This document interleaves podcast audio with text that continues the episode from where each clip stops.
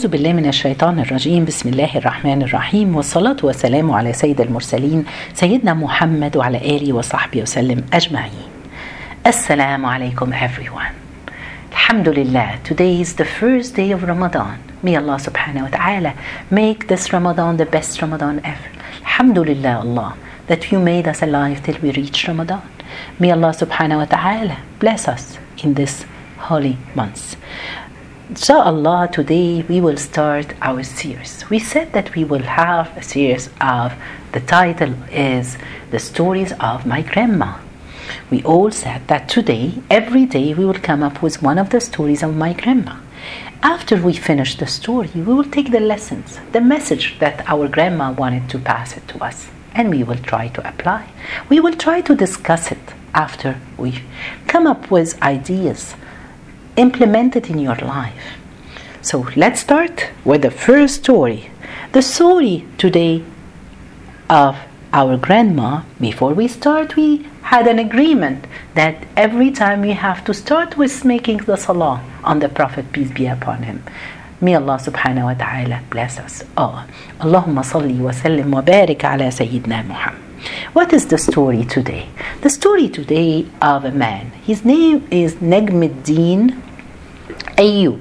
He used to live in Iraq long time ago in a city called Tikrit. It's north of Baghdad. Subhanallah, he was a very famous and rich prince. One day, his brother Asad, he came to him and he told him, "Why don't you get married? You're getting older now." He told him, "I can't find the right bride for me." He told him, "Why not? You have the daughter of the sultan, whoever his name, and the daughter of the prime minister of the country. All these girls, you don't want to get married to them?" He said, "They are not suitable for me." He said, "What are you saying? What do you want? Who is the suitable one for you as to be your wife?" He said, "I'm wishing and I'm looking for a girl that will take my hands and we can both go to paradise together. And I want a girl that she will uh, give, bring, give birth for me for a son, that he will be a great soldier, a great leader, and he will bring back Baytul Maqdis, bring it back Al Aqsa to us. So he was surprised of his brother's idea and then he left him. After a while, one day, Najmuddin, he was sitting visiting one of his scholars, the sheikh at the masjid. Then they were talking. While they were talking, a girl came behind the curtain and she called the imam. So the imam or the sheikh left and he went to talk to her. Then the sheikh told her, Why, daughter, you didn't accept the guy, the young man that I've sent that he came to you to propose for you? She said, Didn't you like him? So the girl said, Oh, Sheikh, he's a great young man, but this is not the one that I wish for. So he asked her, What do you wish for? So she said, I wish for a husband that will take my hand and we will both go to paradise. And I wish that I will bring a son. I will give birth to a son, and this son will be a great soldier, a great leader, that he will bring back the Baytul Maqdis or the Subhanallah, the Aqsa. Najmuddin heard the girl saying, It's the same wish that he said it. After the girl left, the Sheikh came back and Najmuddin he told the Sheikh, I would like to get married to this girl, please. So he told her, you know, she is not a daughter of a sultan or a daughter of a king. She is a very poor girl, but she is a great person. He said, This is exactly what I wished for. Then he got married to her. After that, they got a son, and he became a great soldier. And he became the one who brought back Baytul Maqdis or the Aqsa to the Muslims. And his name was Salah ad-Din al-Ayyubi. We all know him. Subhanallah. This is the story of Grandma. What do you want to learn? Us to learn from the story, Grandma? We have to know that, subhanallah, just with the intention of Najmuddin and this great daughter, girl, Both of them, what did they want? They want to get married for a reason, not just to have pleasure and that's it, which is okay too. But at the same time, they had a goal to bring up a child that bring back Al-Aqsa to the Muslim. And with this sincerity or ikhlas they had, Allah made their dream come true. So today's lesson that we come out from this story is how to be sincere, how to have intention in your life, in your acts, everything in your life. Sometimes we have great wishes or hopes, or we have great goals. We have to work for them, yes, but with working for, be sincere that you want this to reach, to please Allah subhanahu wa ta'ala. Remember to have this slogan in your this Ramadan. Say it. No one will be ahead of me to Allah this Ramadan. I want to work hard. I want to come closer to Allah. And I'm doing everything just to please Allah subhanahu wa ta'ala. Be sincere.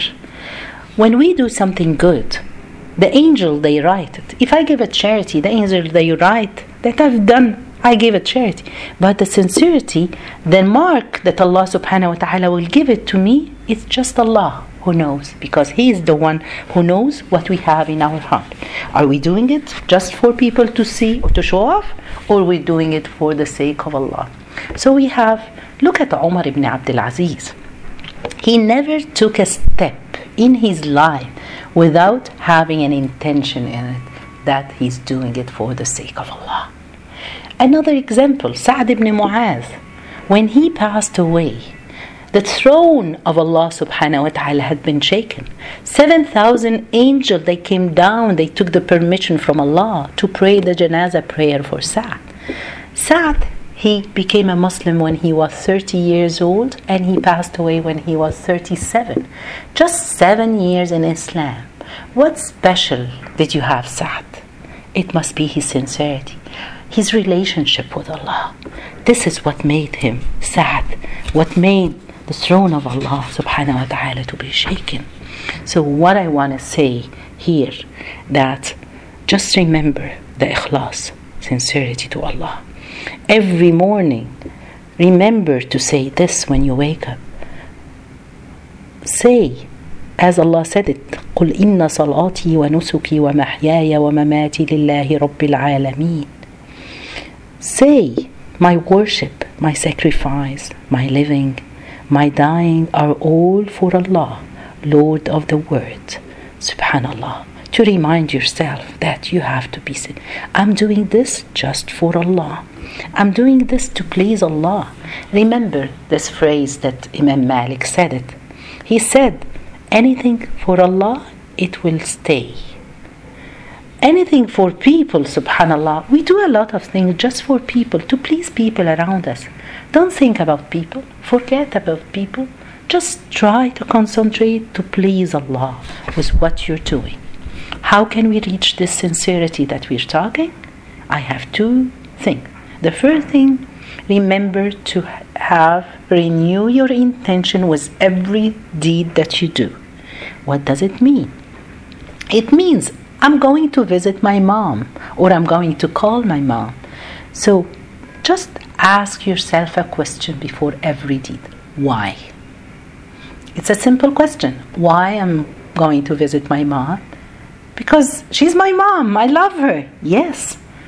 Put another intention. I'm doing it just for the sake of Allah. To be good to my parents. Yes. I'm calling her to make her happy. Another intention. I'm calling my mom or I'm going to visit my mom because I'm going to help her. She needs me to buy so and so for her. This is another intention. So, subhanallah, all these different intention in just one deed remember the companion of the prophet peace be upon them they used to put in just one deed 10 intention.